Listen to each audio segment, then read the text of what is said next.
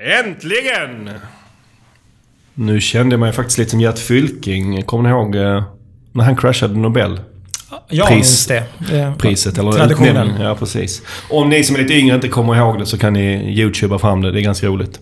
Men det är faktiskt äntligen. Och är äntligen i dubbel bemärkelse. Dels är det dags för ett nytt sökpodden och det längtar vi ju alla till. I alla fall vi som gör det. Hoppas ni som lyssnar också lä- lä- längtar lite. Och sen har ju Google äntligen kört pingvinen. Äntligen, äntligen kan man nästan säga det. Så det är väl ingenting att vänta på, eller hur? Det är bara dags att köra igång. Yes. Ja. Då kör vi. Du lyssnar på Sökpodden. En podcast för dig som gillar Google, SEO och SEM. Sökpodden görs av Pineberry. Varmt välkomna till avsnitt 18 av Sökpodden. Mitt namn är Mikael Wahlgren och vid min sida idag sitter Viktor Kalmhede Hej! och Alexander Ökvist. Hej, hej. Hur är läget med er idag? Jag är lite förkyld, men jag tror att rösten ska hålla hela avsnittet. Det är bara bra med mig. Perfekt. Det känns som att hösten eller vintern börjar komma här lite. Förra avsnittet var det fortfarande sommar men nu börjar vi gå in i mörkrets tider känner jag. Ja, nu är det kyligare ute också. Mm. Men som tur är har vi lite spännande att prata om idag. Men innan eh, vi eh, går in på det. Alexander, det är första gången för dig. Ja. Idag. Premiär. Ja, Vad kul. Precis, jättekul. Berätta lite om vem du är. Ja, mitt namn är Alexander Öqvist och eh, arbetar som sökmotorkonsult på Pineberry sedan ett halvår tillbaka. Eh, Och eh, tidigare har jag arbetat med SEO och SEM på kundsidan och även på andra byråer tidigare så att det ska vara jätteroligt att vara med idag. Du har eh, jobbat ganska mycket på, i resebranschen, eller I res- resenischen så att säga, som är ganska konkurrensutsatt, eller hur? Precis, det stämmer. Spännande. Som sagt, idag har vi jätteintressanta ämnen tycker vi. Och det är 100% SEO-fokus på ämnena också. Det vet vi att, att eh, många gillar i alla fall. Jag gillar det. Ja, Jag med. Ja, jag också. Jag gillar i de andra också, men jag gillar också när det är SEO. Ehm, och de tre ämnena för dagen är... Vi kommer börja med skakiga september. Sen kommer vi såklart prata om den nya pingvinen. Och sist kommer vi få dissekera lite myter om länkar. Och, eh, men innan vi kör igång så... Sist nämnde vi att vi, vi vill ju gärna att... Vi gillar att jaga lite rekord här och vi har ju ett mål här i höst-vinter att nå upp till 2000 lyssnare. Och vi tror kanske att den månaden vi kan ha bäst möjlighet att slå det är nog nu i oktober. Så eh, jättetacksam om ni eh, tipsar era vänner, er farmor, er mormor, vem som helst. Eh, säg, ni får vara jättegärna tipsa om, om podden. Det, det uppskattar vi verkligen, eller hur? Mm. Ja. Absolut. Tror ni att vi når rekordet? Ja. Ja. Vad bra. Eh, Ingen tvekan. ingen tvekan. Perfekt. Då går vi över till dagens första ämne som är skakiga september. Eh, och det hände ju extremt mycket i början av september, eller hur? Verkligen. Verkligen. 2 september, då rörde det på sig ordentligt. Och alla de här olika mätverktygen som mäter eh, särparna som Algo, Mosscast och Serpmetrics och även våra interna egna som vi har, de gick som genom taket. Mm. Ehm, och det händer ju lite då och då, någon gång per år kanske. Och det är oftast lika spännande varje gång, eller hur? Absolut. Och det var eh, ett, ett bra tag, det hände väl tid, tidigt på året förra gången skulle jag säga. Som den, det var den förra i år som var lite, när det skakade till lite mer. Mm. Januari hände en Mm. del. Och det snackas ganska snabbt om, om, om att det var någon form av, som det brukar snackas om, core update som är lite flummigt. Men det betyder ju att det är något, något grundläggande. Mm. Något, sto, något större liksom. Men vad sa Google när, gällande de här skakningarna? De sa väl ingenting som vanligt, eller? Nej, precis. De var väl ganska tysta. Det enda jag har läst mig till som de sa, att de bekräftade att det inte var en pingvin.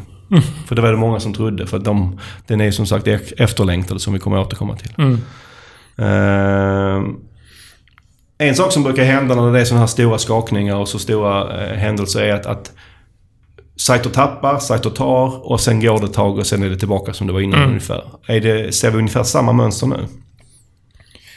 Vissa hoppar ju tillbaka, men det är, det är ju att vissa eller som har tappat, det har hållit i sig helt enkelt. Det var någonting som hände där.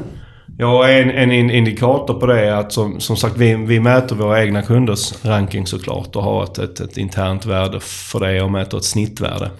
Och den, i och med att vi mäter på alla kunder och deras sökord så brukar det inte röra sig så jättemycket från dag till dag eller Nej. vecka till vecka. Men ibland när det händer stora förändringar så rör det sig ordentligt. Och i det här fallet så, så eh, förbättrades våra kunders po- positioner med mer än en position så att säga i snitt. Och det är väldigt, väldigt sällan Det, ja, det är nog nästan den största förändringen vi har sett. Ja, en av de större liksom. Ja. Och, och, ibland kan det vara att det försämras, ibland för, förbättras. I det här fallet var det en förbättring, vilket är väldigt kul såklart. Mm. Uh, och den, den förändringen har faktiskt stått i sig även efteråt. Mm. Så, att, så att det är väl tecken på att det här var en, en uppdatering som har en, en, en, en påverkan som, som blir kvar ja. på något sätt. Uh, och vi har ju kollat ganska mycket på vad det är som kan ha hänt. För att som sagt, vi, vi ser vilka, vilka av de projekt vi jobbar med som tappar och vilka som tjänar positioner. Så försöker vi förstå vad det är som har hänt när mm. Google inte berättar så mycket. Mm. Vad har vi kommit fram till? Eh, det vi delvis har sett det är att, det är någon, att Google ställer högre krav på on-pagen. Eh, helt enkelt. Att saker som du kanske kom undan med förut eh, kommer du inte undan med längre. Ehm, och det tydligaste var ju att vi för vissa kunder där man jobbade med två olika sökord på samma landningssida mm. så kunde vi se att för det ena sökordet så behöll man sin ranking eller till och med förbättrade den men på det andra så eh, tappade man. Där man tidigare har rankat bra. Och just det här andra sökordet så var det att eh, man inte hade lika bra on-page helt enkelt. Och det, det precis var att man hade lite prioriterat ner det i både i, i, i text och H1 och titel ja, och liknande Ja, precis. De, de, grundläggande saker. Men mm. det vi också såg det var just det här med internlänkning. Mm. Om du inte länkar med ankartexten internt någonstans. Då, då, var det ganska tydligt att flera hade eh, tappat på det. Um, så det är ju en, en lärdom här att man ska länka internt med ankartexten på det man vill synas på. Mm. Så vår slutsats att, att det som hände där i början av september det är någon, någon, var någonting on-page-relaterat om man generaliserar lite. En, en stor del i alla fall. Mm. Sen är det som ofta så är det ju flera saker de lanserar samtidigt. Ja, precis. Och för en sak som det skrevs om ganska mycket, framförallt på de amerikanska sajterna eller bloggarna. Eh, det var ju det, var ju det här att det, som de döpte till pungrottan. Mm. Som det kanske inte lika attraktivt heter på svenska. Men de kallade det Possum Update. Som skulle vara en, en, som är en uppdatering kring det lokala sökresultatet. Som, som sannolikt har hänt men ingenting vi har märkt så mycket av här i Sverige, eller hur? Nej. Inte på samma sätt som i USA uppenbarligen. Nej, för där verkar det ha varit en ganska stor sak hur de visar det lokala resultatet och hur de rankar de olika sajterna. Och det mm. lokala resultatet, även om det är viktigt i Sverige, så är det ju ofantligt mycket viktigare och betydande i USA. Ja, där blir ju varje stad blir ju som ett land, kan man säga. Mm. I och med att det är så många fler som bor där. Mm. Så därför är det lokala så mycket viktigare. Mm. Och det, som sagt, det är lite förvirrande att de här hände lite samtidigt. Men efter ett tag så spekulerades även i USA om att det nog var två olika uppdateringar mm. som hände samtidigt. För ja, de såg förändringar som inte hade med lokala resultatet att göra. Mm. Och för att göra det här ännu mer komplext kring vad det här var i september så, så kom ju... Eh, nu borrar de här hos grannarna. Vi får se om eh, Joel lyckas få bort det borrljudet annars, i efterhand. Annars, annars eh, vår ljudtekniker. Annars kommer ni höra det också. eh, och sen kom ju pingvinen. För att förvirra det här ännu mer om vad det eventuellt var som hade hänt i september. Eh, och det var den 23 eh, september så gick Google ut och berättade att nu, nu kommer en ny pingvin. Ja, och det var ju en väldigt stor händelse. Och det var ju att när det här hände den 2 september så frågade ju folk Google, är det här mm. nya pingvinen? Och då sa de nej, men den kommer snart. Ja. Och det har de ju sagt under nästan två års tid, att den kommer snart, men ja. den har aldrig dykt upp. Och min spontana reaktion var att ja, men nu kanske det ändå var pingvinen som kom i, i början av september. För det skulle inte vara helt orimligt med hur Google brukar kommunicera. Att det inte alltid är supertydligt och sådär. Mm. Men jag tycker det finns ganska mycket bevis som tyder på nej, det, det, är så. Att det som hände i början av september var någonting helt annat. Och sen kom pingvinen eh, mm. där kring den 23. Mm. mm. Men då passar det ju bra på att vi går över och eh, eh, pratar om nästa ämne som är såklart den nya pingvinen.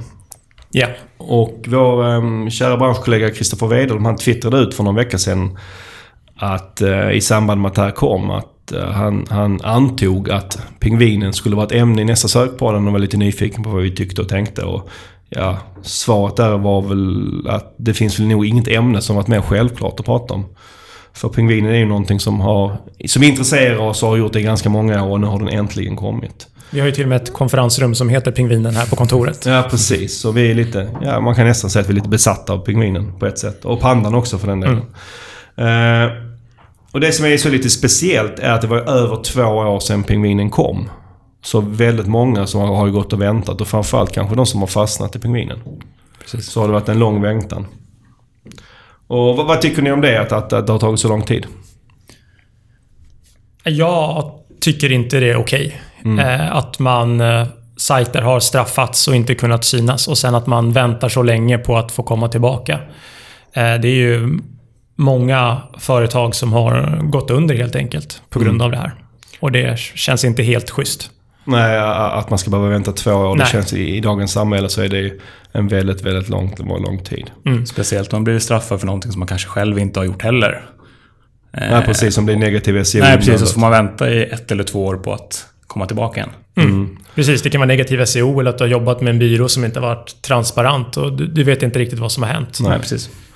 Så det, det är ett väldigt långt straff för vad man kan tycka är ett relativt litet brott, eller om man nu ska jämföra det. Ja.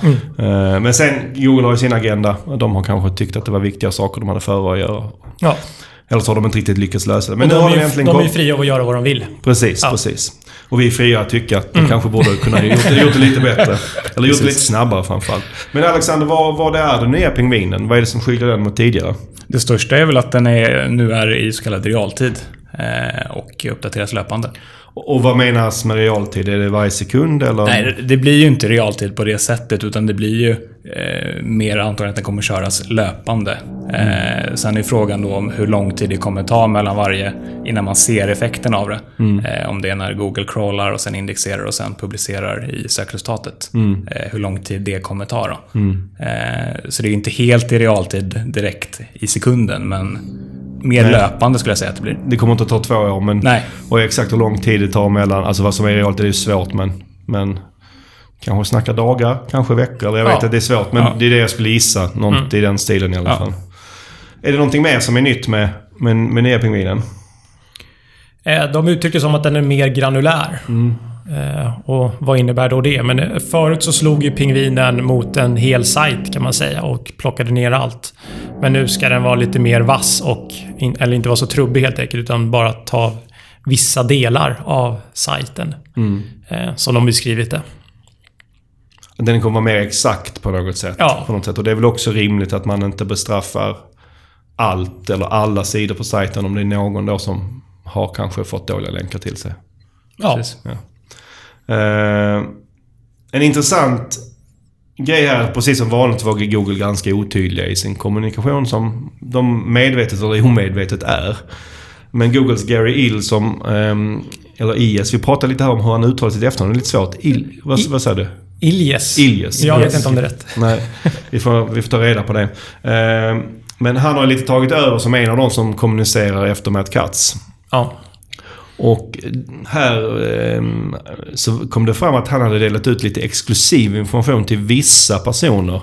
Alltså några av de mer kända bloggarna och nyhetsreportrarna i USA som skriver om det här. Och då fick han lite kritik för det. Eh, Och anledning som han själv sa att till att han inte delade, med, a- a- delade ut samma information till alla var att han hade trust issues. Att han inte riktigt litade på att vi, ska, vi andra, vi övriga, skulle kunna hantera den här informationen på, på ett bra sätt och tolka den på ett vettigt sätt. Ja. Det, är lite, det, det känns lite, jag tycker det känns lite bakvänt för att det gör att vi får lite trust issues med Google. Ja, verkligen. Ja, Att verkligen. de inte är transparenta. Samtidigt måste jag, jag precis innan vi körde igång här idag så, så lyssnade jag på eh, en, en podd som Gary var med i som på Marketingland. Som kom igår tror jag, eller hur Alexander? Ja, precis. Igår kom den. Vi kommer länka till den i artikeln för det här poddavsnittet. Men eh, där var han väldigt öppen. Han berättade väldigt mycket intressant eh, om, om både pingvinen och hur de gör med länkar. Så att ibland så är de Mm. väldigt transparenta och jag, jag tycker det är oftast bättre när de är tydliga. Det, Nej, vi får, får vara glada med att de i alla fall gick ut och sa att det var pingvinen som gick. mm, Eh, Och att den skulle få en ny form. Eh, Men samtidigt sa de också att det här är sista gången de kommer gå ut med det eftersom den nu är löpande. Så Kommer det innebära att vi kommer sluta prata om pingvinen? det tror jag inte. Vi har Nej. inte slutat att- att prata om pandan efter att den blev en del av algoritmen. Nej. Okej, men när de gick ut med den här den 23 eh, och då sa de att den håller på att rullas ut. Eh, har, vad har vi sett av det och är den färdigutrullad? Var står vi? Vi har väl inte sett så jättemycket egentligen. Nej, vi har ju sett en del eh, några dagar efter. 27-28 ha- har det ju pratats om och där har vi också sett några exempel. Eh, eh, på där vi tror kan vara pingvinrelaterat. Mm. Eh, Det var en, en, en eh, amerikansk, jag tror är amerikansk eh, SEO, Mary Haynes, som på sin sajt eller på sitt företag har släppt en liten case study på ganska många exempel där företag har sl- primärt släppt ur pingvinen. Och i alla fall var det kring den 27-28. Och det är de exempel vi har sett har också varit där omkring datormässigt. Så att eh, sannolikt är det så att merparten av, av, av pingviner rullades ut då. Eh, och att vi kan väl vara ganska... Eller jag känner att det, den är nog utrullad och klar. Är det också er uppfattning eller? Det känns så i alla fall. Ja, och sen nu ska den ju vara löpande också. Så nu... nu Så det spelar kanske inte så stor roll egentligen. Nej. Liksom. Eh, och det intressanta var ju de... Google gick ju ut med och sa också att de gamla ska börja släppa. Eh, att de ska inkluderas i det här. För det var ju också, vad kommer hända med de som sitter fast i den gamla pingvinen? Kommer de ha en chans att komma loss med den här nya? Men där finns det ju exempel och det lyfter väl även hon fram i den här artikeln. Eh, på gamla som hade kommit loss. Precis. Ja. Och, så, och hon sa också att det var vissa som inte hade kommit loss. Så att det var Mm. liksom vissa som fortfarande satt, satt fast. Men det var ju väldigt många tydliga exempel på som hade, hade kommit loss där Ja, i precis. artikeln. Ja. Så det, den datan, för mig i alla fall, gjorde tydligt att då kördes den ut. Liksom. Och min, min erfarenhet är att även om Google kommunicerar att den här utrullningen tar lång tid, så upplever jag att den oftast i praktiken inte tar så jättelång tid. Eh, Det kanske tar lång tid i praktiken till det är ute på alla datacenter, men till man har sett majoriteten av effekten av en utrullning brukar ändå gå ganska snabbt numera, upplever jag. Ja, och det är mer att de kanske håller på och finjusterar sen efteråt när de ser effekterna. Eh, som man ser med själva utrullningen sker relativt fort. Vi, vi har ju ett... Vi har ju ett, ett exempel som jag, som jag tänkte ta upp som är, som är lite intressant.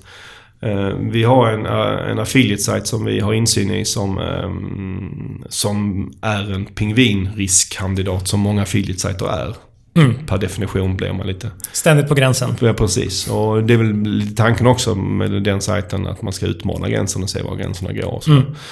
Och den tappade också ganska rejält där kring den 21-27 så sannolikt har den ju då fastnat i när pingvinen kördes. Och det var inte jätteöverraskande i och med att den hade en ganska aggressiv profil. Det som var väldigt förvånande, eller förvånande, intressant snarare kanske, var att så fort det hände så eh, vet jag att eh, eh, det både togs bort en hel del länkar och en hel del länkar disavowades. Mm. Och det gjordes typ två dagar efter, något i den stilen, som den hade tappat i ranking. Och ytterligare en dag senare så var den tillbaka. Mm. Väldigt snabbt. Väldigt snabbt. Nästan för snabbt, eller hur? Ja. Ja, det känns som att så snabbt går det inte för Google att eh, indexera om eh, de länkarna som pekade och satte den här sajten i pingvinen. Nej. Men då kan man ju fråga, om det inte var det, vad var det då? Det kan ju såklart vara att, som det alltid när du rullar ut någonting, att, att resultaten går upp och ner som vi pratade om tidigare. Eller att, det var, att den låg precis på gränsen. Så att det räckte med att, den, att man bara justerade lite. I läng- eller fast man gjorde en stor justering så Ja. det att det var lite som upptäcktes för att den skulle komma Så tillbaka. kan det vara ju. För att det skulle ju vara ett tecken på det här med realtiden att det är kanske, det kanske till och med räcker med en dag. Ja. För det som, det som gjordes här också var att det gjordes en disavow. Och det, det, då går det ju en, en, en, en signal direkt till Google på något sätt. Eller man kan tänka sig att då behöver du inte spindla av någonting. Och det kanske räckte. Ni berättade ju, Gary Ilias sa i den här podcasten, eh, jag har ju själv inte lyssnat på den ännu, men hur de eh, taggade upp Mm. De, länkarna. de ju Ja. upp länkar, så han tog ett exempel att om det är en länk från till exempel Vita huset eh, sajt i USA så kan man få taggen att det är en footerlänk och så kan man få att det är en real time pe- penguin-länk, alltså någon som de anser är en länk som de ska bortse ifrån. Och så kan den också få liksom att den är disavowed. Så att de har de olika taggarna på länkarna. Mm. Ehm, och det kan ju vara i det här fallet då att de här disavow-taggen kommer in ganska snabbt. Mm. Och då helt plötsligt så, i och med att pingvinen är i realtid, så skulle det kunna vara det. Jag är i så fall överraskad att det var så pass snabbt. Ja, Att verkligen. realtid då skulle innebära kanske inom 24 timmar eller någonting. Men, Ja. men Om de har någonting där för, för, sina, för sina taggar då. Eh, som gör att det verkligen går i realtid. Men den kanske, förutom att det är realtid, så skulle jag säga att det är en av de största nyheterna med den nya pingvinen är att den inte, den är inte straffar inte längre. Som du gjorde innan. Ja, att den ska bortse från värdet? Eller? Precis, den ska Ja. Mm. bortse från värdet på- på länkarna men den ska inte straffa. Nej. Du ska liksom inte, länkar kan inte vara negativa för dig längre. Nej. Säger de att Innan pingvinen var det lite så att en, en länk, som i alla fall som jag ser det lite förenklat, kunde ha värdet från noll och sen uppåt till hur mycket den var värd. Mm. Men efter pingvinen så kunde länkarna ha negativa värden. Mm. Och nu har de tagit bort den effekten igen, säger de. Mm. Vad tror vi om det? Ja, vi, vi, vi har ju sett lite, eller vad ska jag säga, en del eh, case vi har där det tyder på att det skulle kunna vara så. Att, den här, att den här teorin är applicerbar på det. Att det som, men det jag skulle säga, att det bekräftar det vill jag inte säga, men det är en, det är en rimlig förklaringsmodell på vissa case vi har. Mm. Jag tycker ju den här, om man tar till exempel den här affiliate-sajten som jag såg exempel på, så tycker jag faktiskt, alltså om man bara tittar på hur mycket den tappade, Mm. så skulle jag det ett tecken på att det är inte bara att de har tagit bort värdet, utan Nej, det är att det är nej. något form av straff. Men Mm. sen samtidigt sa ju han Gary Ehlers också att ehm, han har aldrig sett ett exempel på negativa SEO som alltså är på riktigt. Och där lever vi ju i två olika världar. För, för oss så har vi sett många exempel Ja. och Google har hela tiden hävdat att det typ inte går. Nej. Men, men då för att eh, få bort diskussionen kring det överhuvudtaget nu så säger de att de har byggt om pingvinen så att den, den inte straffar en sajt längre utan den tar bara bort värdet på länkar de inte riktigt gillar. Mm. Eller minskar värdet Mm. i vissa fall också. Precis, och sen pratar ju också om det här att det kanske finns någon form av andel beroende på hur många dåliga länkar man får. För att du kanske faktiskt blir straffad. Eller att den bara precis. bortser. Om det är 50% dåliga så kanske den bara bortser. Men är det 70% så kanske de faktiskt behöver straffa Ja. för det.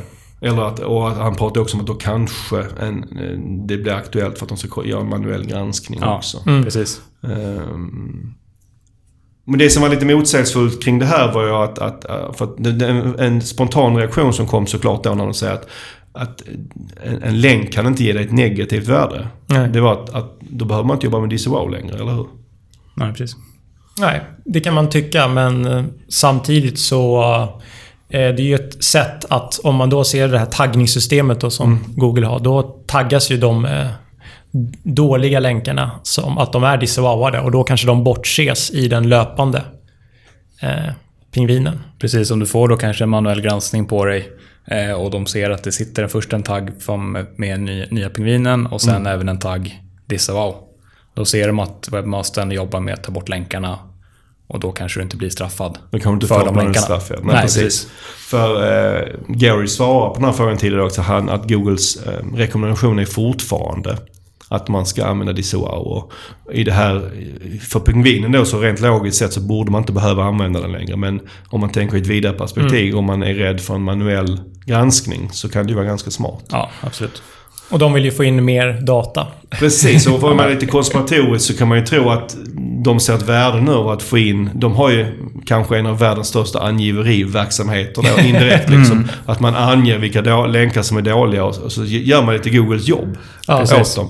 Och det är de väldigt duktiga på, att få webbmasters att göra deras jobb. Och det är Ja. väldigt smart. Alltså. Det Ja, kan man visst. inte ge dem mer än cred för. Ja. De har ju samlat in den datan nu några år så att de har ju ganska mycket info redan nu. Ja. Lite maskininlärning på den Ja, Så är det datan. så. klart liksom. Mm. Precis.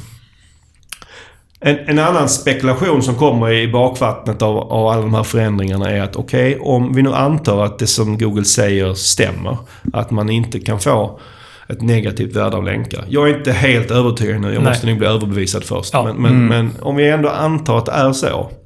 Eh, då helt plötsligt är det liksom öppet för att köra aggressivt länkbygge igen. Då behöver man inte vara rädd för någonting.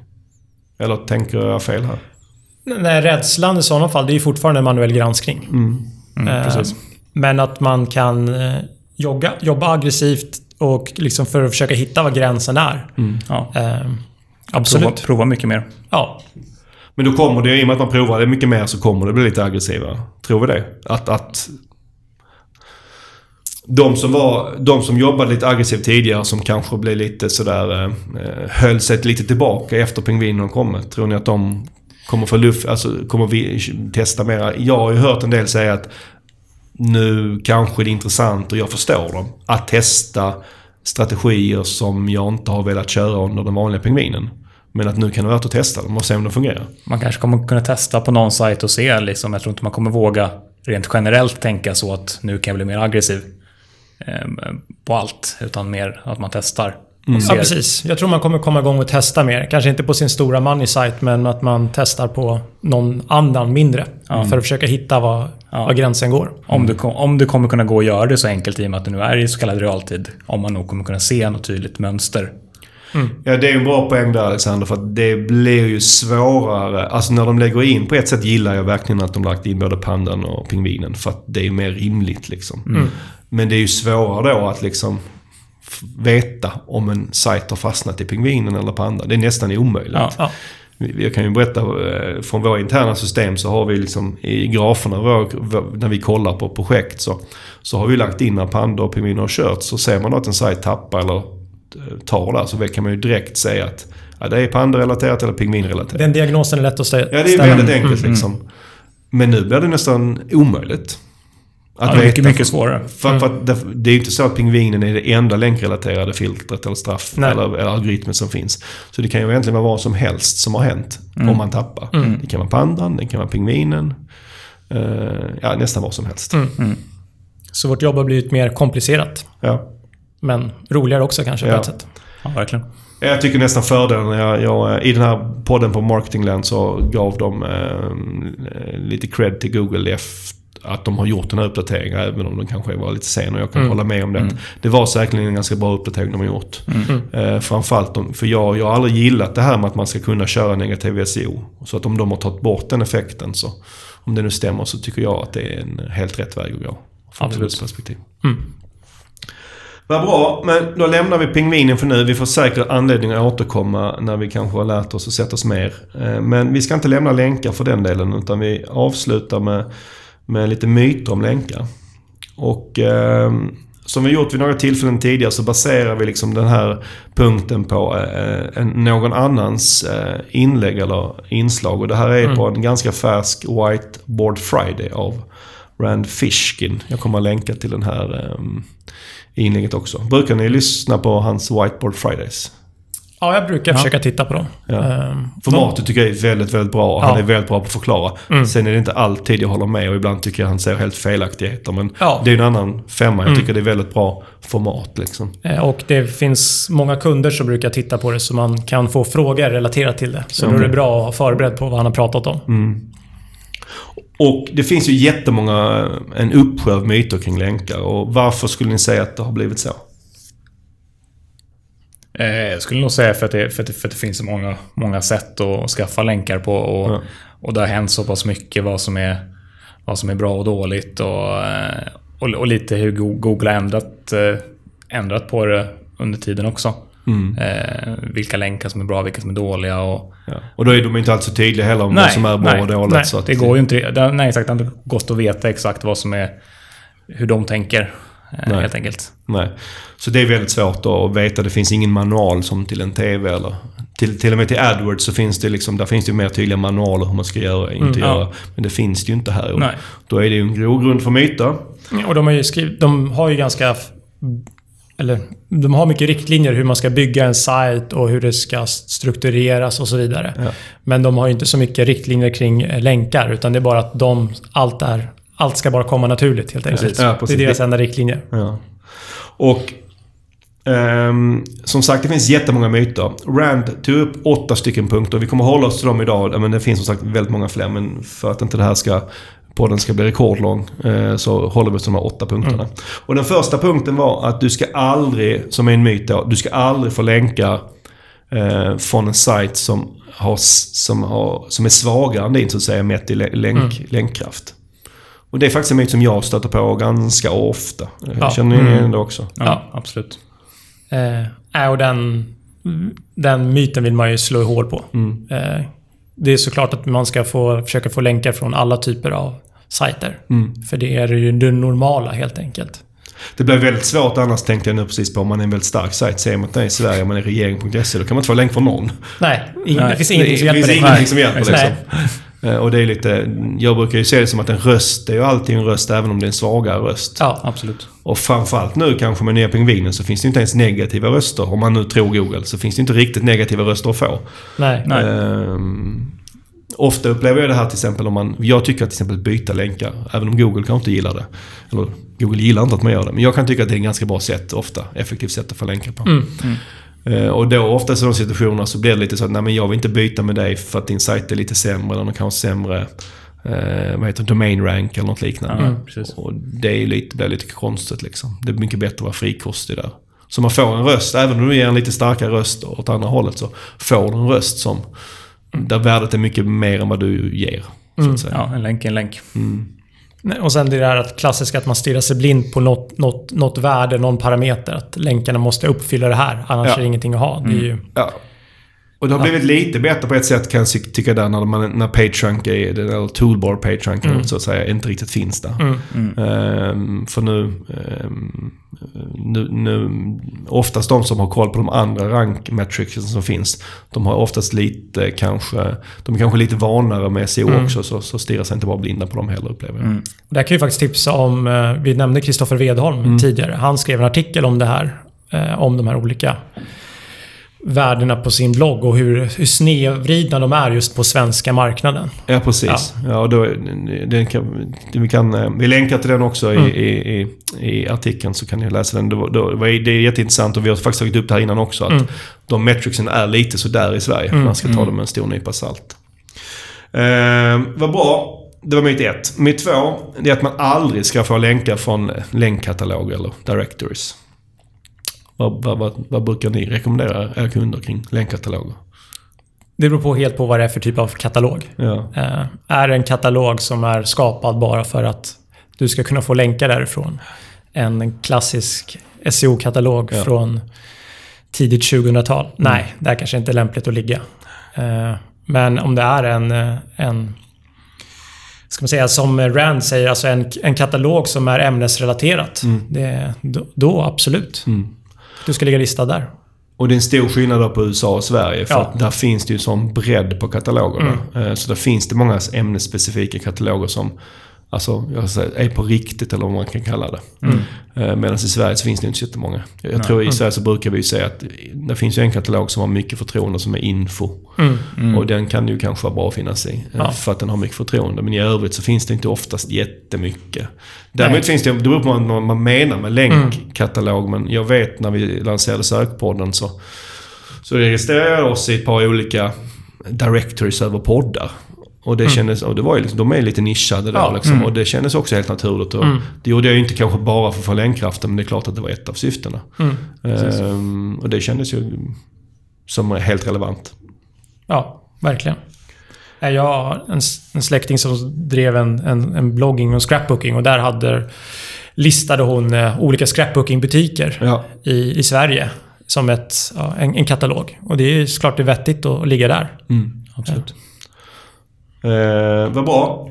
Nästa myt är att man inte ska få länka för snabbt, för då kommer du eh, få ett straff. Det är ju någonting vi ofta kanske pratar om, att det kan finnas en risk i att få länkar för snabbt. Men är det en myt eller finns det någon form av sanning i det? Det är väl lite blandat där skulle jag säga. Det beror nog på vad det är för typ av länkar man får och eh, och är det liksom kanske någon PR-grej till exempel, då skulle jag inte säga att det är så farligt. Eh, men sen så vill man ju, man vill ju försöka få något form av normalflöde ändå.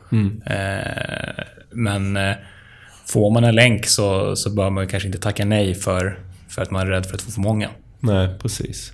Och sen det handlar väl också om hur man kan kontrollera länkarna man får. Liksom om du gör någon, någon PR-aktet som, som det blir en stor spridning på. Då kan du inte riktigt kontrollera hur många länkar Nej, du får. och Då ska nej. man vara glada för alla de får. Ja. Ja, precis. Däremot om du kan kontrollera länkarna du får på något sätt så, så finns det många fördelar med att få dem lite mer utspridda. För då kan du också liksom avgöra vilka länkar som är bra. Vilka länkar du behöver mer. Alltså om du kanske behöver ha mer fokus på vissa ankartexter eller vissa, Vart vissa ska de delar av sajten. Var ska de peka? Om du får alla länkar på en gång så hinner du inte göra någon analys. Nej, så, så nej. det finns ju kanske många skäl till att försöka dra ut det men samtidigt om man får om man gör en lyckad lansering med någonting och det ger massa länkar så håller jag med Rand att man kanske inte behöver vara jätteorolig för det heller. Nej. Eh, vad bra. Eh, punkt fyra är att man inte ska länka ut till, eh, till andra sajter. Eh, för att då kommer du tappa länkkraft. Eh, där tycker Rand att man, eh, man kan länka ut Ja. hur, hur som haver. Och där håller jag inte riktigt med honom. Utan jag, eh, klart att man ska länka ut, men man behöver ju göra det med förstånd. Mm. Eh, att man inte länkar ut kanske från alla sajter, eller alla sidor på ens sajt. Mm. Eh, för då dräneras man på den kraften som du vill behålla inom din sajt helt enkelt. Nej, precis. Jag håller, jag håller också, precis som du, med honom till viss del. att Jag tror oftast det kan vara ganska bra att vara frikostig och liksom inte sätta på no follow i, för att vara snål och sådär. Men man ska inte länka ut hur mycket som helst. Nej. Och ehm, han sa en sak som jag tycker då är, som jag upplever som fel. Och det var ju att han säger att man kan också få fördelar av att ranka ut. Och det har vi pratat om tidigare här i podden. För det var någonting som den andra efterträdaren till Matt Katz, John Mueller, gick ut med. eh, Jag tror, jag tror det var i avsnitt sju vi pratade om det. Eh, Då här gick han ut och bekräftade att man får inga fördelar av att lä- länka ut till en, till en, till en trovärdig sajt. Mm. Eh, Så det håller jag inte riktigt med om att man ska göra av, det, av den anledningen. Nej. Utan det är snarare att, att det kanske ibland gör... Vad jag upplever rent allmänt att det, det lönar sig ibland att vara generös. Ja. Att om man ger en länk till någon så är det större chans att man får en länk tillbaka. Absolut. Men, och inte, det är men, bättre för besökaren också. Om Ja. man vill. men som sagt inte, inte länka ut hur mycket som helst för det kommer inte vara bra. Nej, framförallt se över de här länkarna som kan ligga i sidhuvudet eller sidfoten. Som Ja. bara ligger där och skickar bort kraft. Onödigt mycket kraft Ja. liksom. Och då kanske från varje sida också. Ja. Okej, eh, myt fem enligt Rand är att eh, man, ska se, man ska ha en exakt fördelning på sina ankartexter. Eh, annars lyckas man inte. Typ man ska ha en viss andel exakta och en viss andel fras och en viss andel vad heter det, med ens namn och en viss andel med blandat. Liksom. Eh, hur ser ni på det? Att, där tycker jag han gör en liten tankevurpa. För det han säger där det är att eh, eh, om du bara jobbar naturligt med länkar, då är det här ingenting du behöver bry dig om. Men eh, jobbar du onaturligt med länkar, eh, med att försöka få länkar på olika sätt, då är det någonting du kanske ska ta hänsyn till. Men eh, mitt sätt att se på det, det spelar, Google tar ju inte hänsyn till om det är onaturligt eller naturligt. De tittar på länkprofilen och hur den fördelningen ser ut. Och då såklart du ska ha koll på hur fördelningen är där. Precis, ja. precis, det är en jättebra poäng Viktor. För att om man då jobbar, säg, lite mer aktivt, Mm. man kan kalla det som du sa, onaturligt. liksom. Det, ens mål då är ju att det ska se naturligt ut. ja. Eller hur? Ja. Eh, För att det är så som Google tittar Mm. på det, till exempel på ankartexterna och sätter de här olika labels på, på länkarna. Att Då vill man ju ha en så naturlig ankartextprofil som möjligt. Mm. Så då måste man på något sätt ta hänsyn till det. Ja. Speciellt om de har någon algoritm för just ankartexter också. Vilket Ja. han pratade i, i podden om också. Ja. Och, och det... Vad heter det? Sen är det såklart, han har en poäng så tillvida att det är inte så att det finns en algoritm som säger att du ska ha exakt 20% av det här och Nej. 12% av det. Så Nej. är det ju inte. Nej. Eh, Men jag tror att om man inte har ett mål med sina ankartexter, alltså något man siktar mot. Så tror jag det kan vara ska, alltså dumt. Utan man ska nog sikta mot någonting och sen kanske inte man hamnar exakt där. Men Nej, och det kan ju ske att det blir eh, riskfyllt omedvetet om jobbar naturligt. Det klassiska har vi ju webbyråer som eh, allt, i sidfoten hos sina kunder att den här sidan gjordes av webbyrån Jada jada. Eh, och då kunde de straffas för att de hade fick för mycket webbyrå-ankartexter till sig. Och det här kanske inte alltid var medvetet utan det var någonting som hände. Så även fast du jobbar naturligt eh, så måste du ändå ha koll på hur fördelningen ser ut av de länkar du får. absolut, och det är liksom en av de största anledningarna jag tycker att man ska använda eh, verktyg som ARFs och sådär. Att man ska ha koll på de här grejerna. För det går ju inte att ha koll på något annat sätt. Liksom, Nej. Det är en av de första sakerna jag tittar på när jag går in på en sajt är just ankartextfördelningen. Så, så visst är den viktig. Eh, så där håller vi inte riktigt med Rand. Eh, punkt 6 är att du aldrig ska fråga efter en länk. Eller be om en länk för att då riskerar du att bli straffad. Är ni rädda när ni frågar efter en länk? Nej. Nej. Det tycker jag inte man ska vara. Nej. Ett exempel där jag oftast gör, ofta gör det, som han också tar upp till exempel, är att när vi jobbar på olika sätt. När vi omnämns i olika artiklar och de inte har länkat till oss. Och ja, beroende på om jag känner att det är rätt läge så brukar jag kontakta journalisten då och säga, fråga om inte de skulle kunna länka till oss. Och ibland gör de det, ibland gör de inte det. Jag gör inte någon stor sak av det. Men jag är inte jätterädd då för att fråga. Eh, Så på det sättet har han ju rätt att man ska inte vara rädd för att fråga. Nej. Mm. Nej, det tycker jag inte heller. Men ska man hårdra Googles riktlinjer så får du ju inte fråga. Nej, precis. Jag får inte fråga. För då blir det onaturligt. Nej. Men det är klart man ska fråga. Och Google har varit väldigt duktiga här på att skrämma upp folk, att Ja. de inte riktigt vågar fråga. Men jag, tyck, jag, jag tycker rent krasst här att man ska försöka använda någon form av common sense. Liksom att när du tänker, vem, i vilka lägen ska jag fråga? Om man tänker då, är det här någonting som Google sannolikt kommer få reda på att jag har frågat? Mm. Ja, då kanske jag liksom inte ska göra. Typ om du frågar publikt eller skickar ut massmail som vissa gör. Det är kanske inte det smartaste att göra. Nej. Men om du frågar en kompis eller... Jag har redan en relation med Ja, personen. Är Jag, jag brukar ju säga att det är, det är människor som bygger länkar, inte sajter. Så Mm. du ska upprätta relationer till människor och då kan du påverka dem så att du får länkar. Ja. Mm. Så oftast när du frågar efter länkar så är risken ganska låg att du hamnar i problem. Ja, Även om verkligen. det såklart aldrig är riskfritt, men det är ju ingenting med SEO. Nej. Ja, men det är inte Eh. frågan som sätter dit i alla fall. Nej. Eh, vad bra. Punkt sju. Att, att få mer än en länk från samma sajt är värdelöst. Hur tänker ni kring det? Tänker väl lite både och där. Det beror väl kanske på vad det är för typ av sajt det är, det är snack om att man får länken ifrån.